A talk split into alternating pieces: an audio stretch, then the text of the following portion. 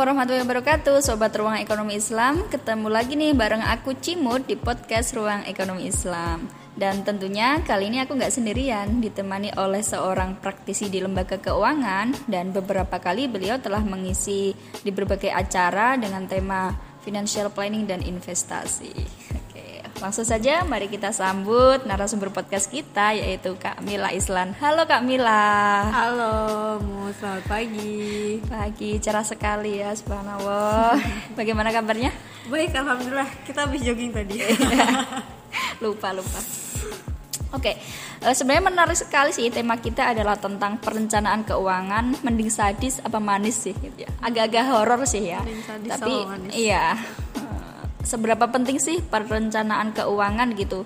Ke waktu kapan kita harus merencanakan keuangan? Apakah perlu kita melakukan perencanaan keuangan gitu ya?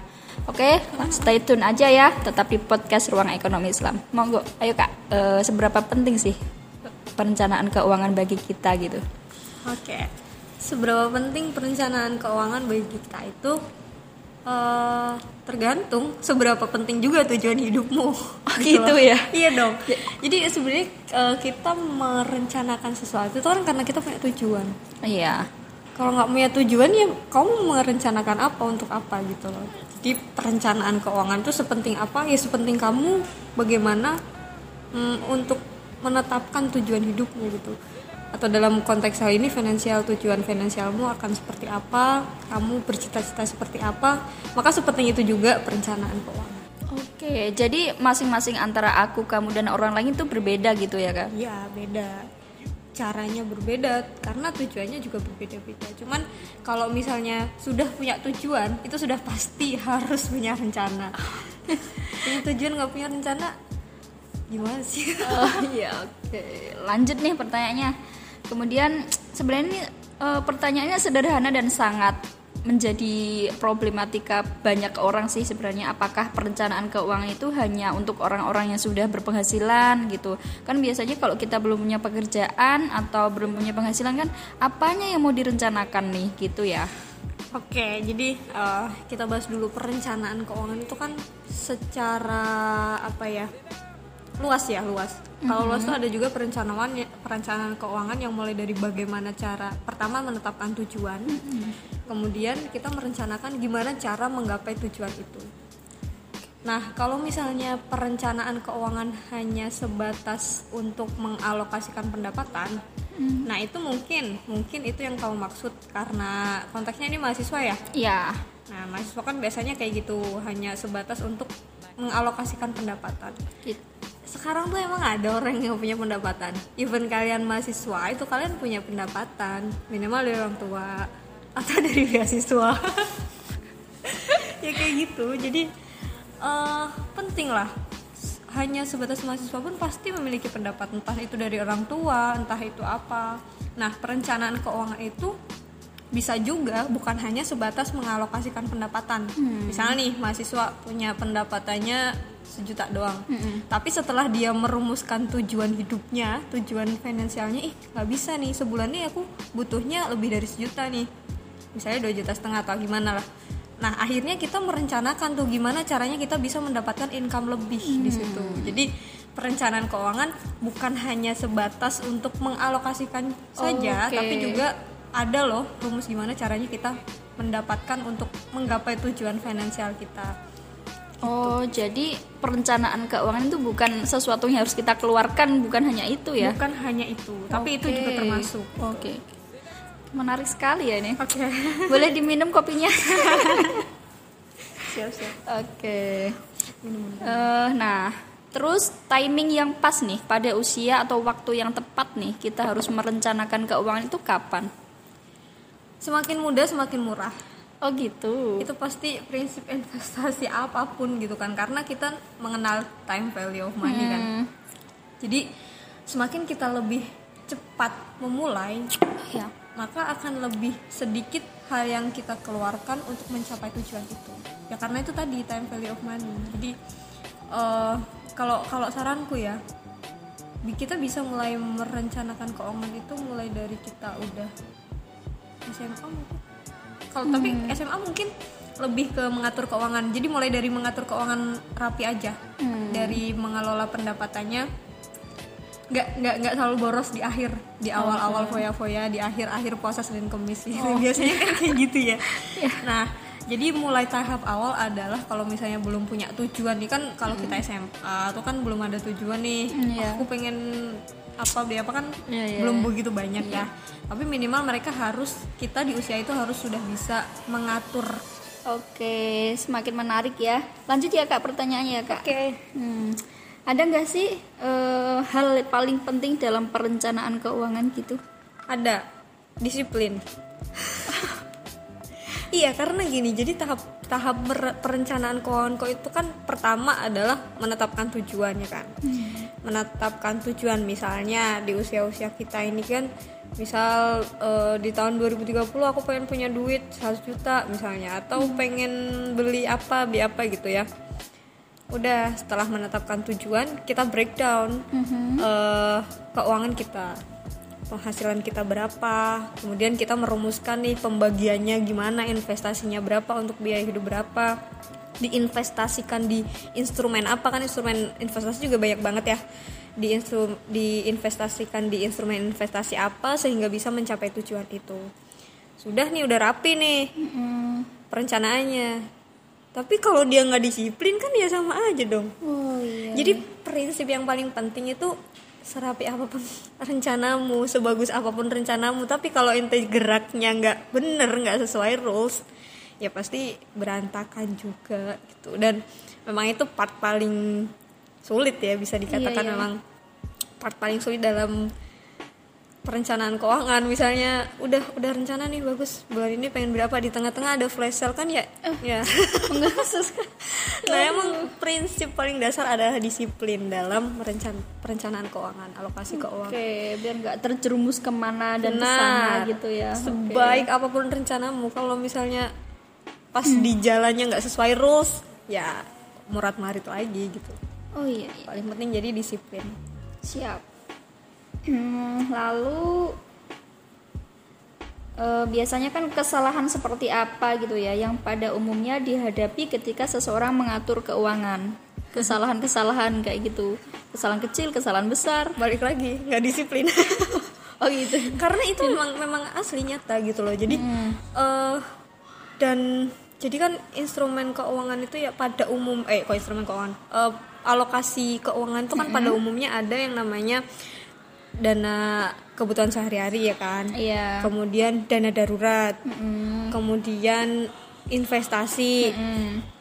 Kemudian apa lagi ya? Eh save reward lah, save reward lah. Iya. Itulah Uang belanja gitu orang loh belanja ya. gitu lah. Nah biasanya nih biasanya kalau misalnya empat ini sudah sudah apa namanya disiplin sesuai kantong, tapi tiba-tiba dia di dana dana foya-foyanya atau save rewardnya dia membengkak. Iya. Akhirnya dia harus mengurangi entah itu di dana darurat atau di investasi. Kalau buat makanan sehari-hari kan nggak bisa kan Iya, iya. kayak gitu gitu loh jadi kalau misalnya kamu nggak disiplin satu aja ya udah yang lainnya tuh pas-pas yang lain pasti berantakan. Jadi itu memang kesalahan paling sering dan paling itu juga kesalahan besar juga kesalahan kecil ya. Pokoknya nggak disiplin aja itu. Pokoknya kalau sudah sesuai dengan rules dompetnya sudah rapi ini ini ini ini bisa. Karena kalau misalnya katakanlah lomba kadang tuh ada loh kita di tengah-tengah butuh duit yang tiba-tiba loh itu sudah ada dana darurat. Nggak bisa jadi alasan kamu untuk ngambil yang lain gitu loh Oke baik. Eh, tadi kan eh, dibahas ya tentang apa itu dana eh, menyinggung tentang dana darurat, dana investasi dan lain-lain. Nah, ini bagaimana sih Kak budgeting tips gitu untuk perencanaan keuangan? Oke, budgeting tips itu lebih kepada mm, alokasi pendapatan ya. Karena di sini kita cuman bahas dananya udah ada, terus kita bagi-bagiin ke mana Oh, iya. sesuai porsinya. Jadi memang eh, ada ada prinsip dalam investasi tuh yang agak ambigu gitu. Habiskan uangmu di awal bulan. Oh. Tapi habiskan uangmu di awal bulan itu bukan untuk habiskan bener-bener habis kamu foya-foya enggak, tapi di awal bulan kamu sudah harus menata uangmu kamu alokasikan sesuai di dompet-dompetnya masing-masing kayak Oke. gitu. Nah, kita bahas sekarang dompet dompet ini.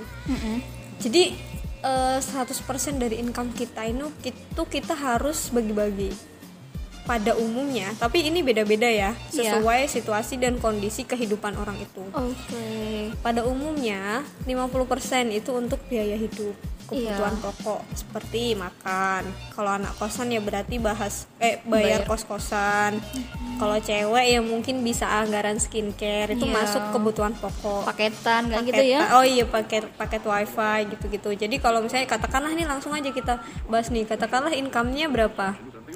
Hmm, 4 juta kali ya? Kayak 4 juta. Income 4 juta, berarti 50% dari 4 juta itu sudah harus bisa mengcover bayar kosan, makan dan apa-apa yang kebutuhan yang memang harus kamu penuhi setiap harinya, nggak bisa kamu lewat. Kamu lewatkan kamu mati.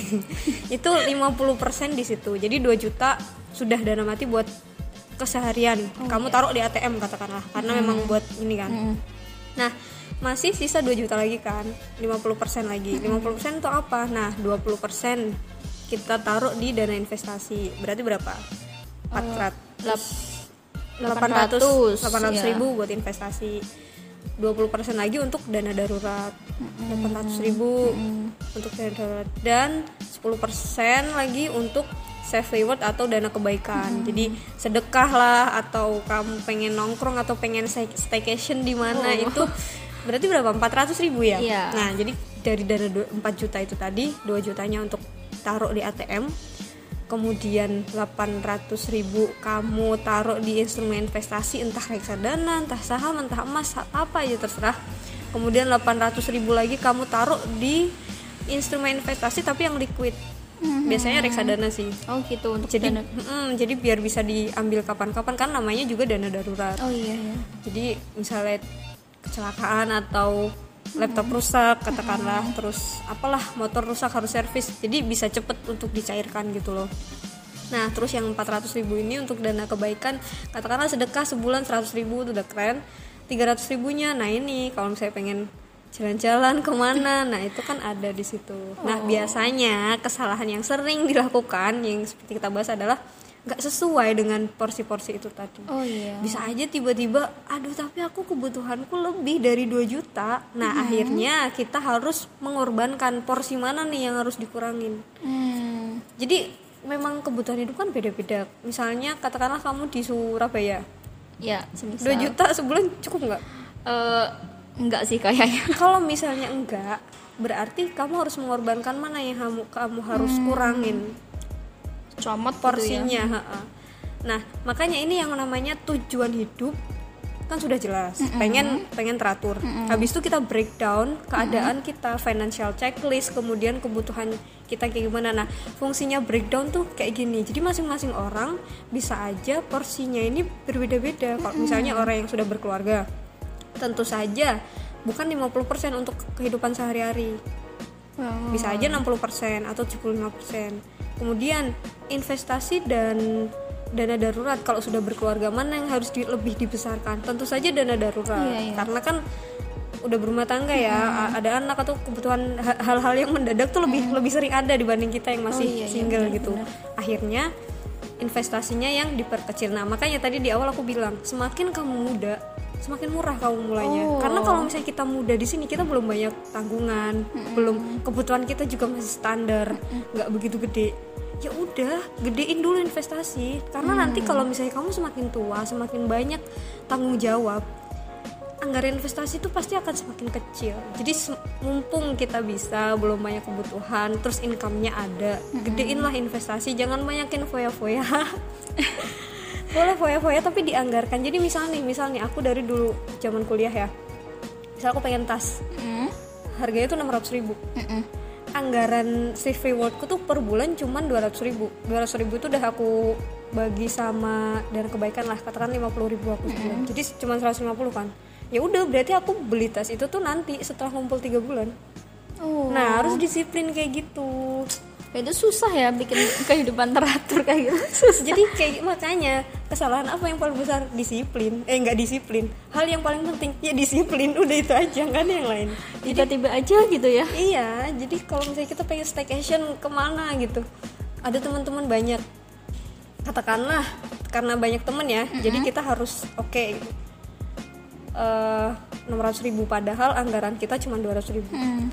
Yuk tiga dua bulan ke depan kamu tetap menganggarkan buat search reward tapi kamu nggak usah pakai karena buat nambal yang hari yang bulan ini. Oke. ya pokoknya gitu sih kalau sudah tahu kalau kita sudah tahu porsinya dompetnya masing-masing fleksibel gitu. Jadi kadang nggak kok nggak boros.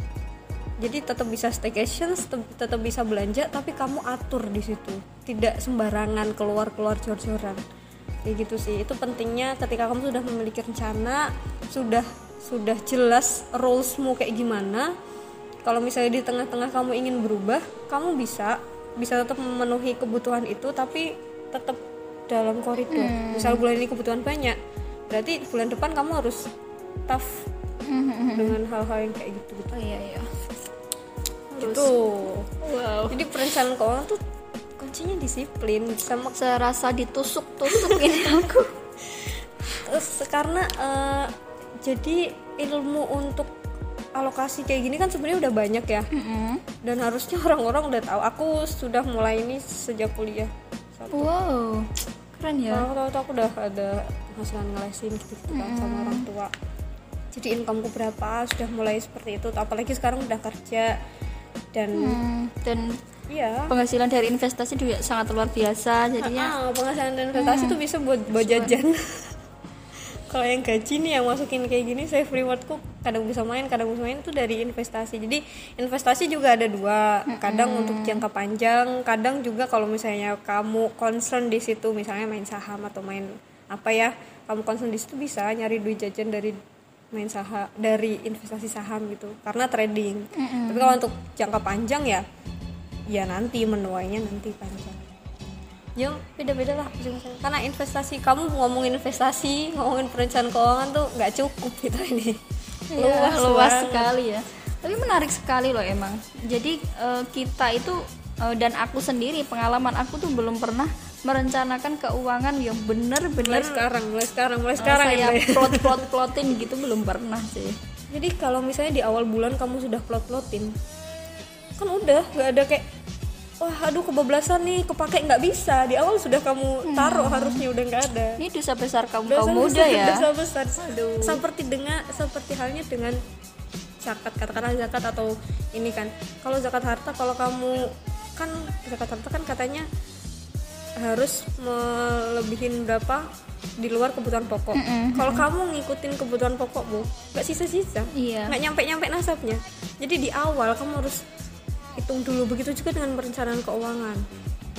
Di awal bulan habisin dulu sesuaiin pos-posnya kamu taruh. Jadi duit yang ada di ATM tuh memang bener-bener duit yang buat kebutuhan sehari-hari.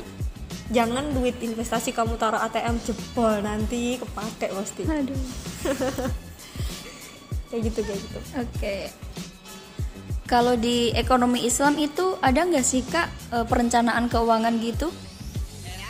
Ah ya ada ya. Ekonomi Islam kan sebenarnya hal-hal apa saja yang itu baik gitu. Ya nggak sih? Yang penting nggak batil. Ya Oh, nggak ya kan jadi kalau misalnya kamu di sini nanya dalil eh kurang lebih mirip dengan dalil yang untuk dijadikan pedoman di hal ha- asuransi. Bahwa kita ini kan nggak ngerti nih ke depan bakal gimana. Dan kita nggak boleh eh, dan kita dianjurkan untuk eh, merencanakan hal yang baik untuk ke depannya. Kalau eh, ini tuh di surat Al-Luqman nomor eh, ayat 34 yang sesungguhnya hanya di sisi Allah ilmu tentang hari kiamat dan dia menurunkan hujan dan mengetahui apa yang ada dalam rahim dan tidak ada seorang pun yang dapat mengetahui dengan pasti apa yang akan dikerjakannya besok.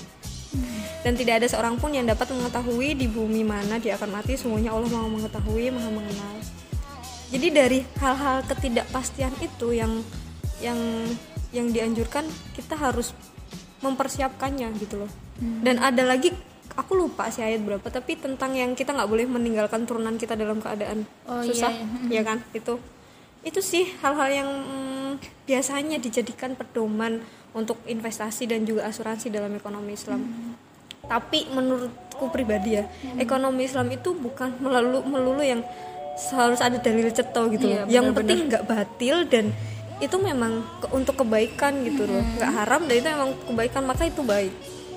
Yang penting nggak haram gitu aja dah. Nggak ada riba nggak ada maisir nggak ada goror. Iya kan? Dalam hal investasi pun juga sudah ada investasi syariah. Dalam hal perencanaan keuangan ya tentu saja ada harus menyiapkan dana darurat. Karena kita nggak tahu ke depan bagaimana. Kita harus menyiapkan investasi. Karena kita nggak boleh nih meninggalkan eh, keturunan kita dalam keadaan yang susah. Terus Allah juga mencintai kerapian. Iya bener sih.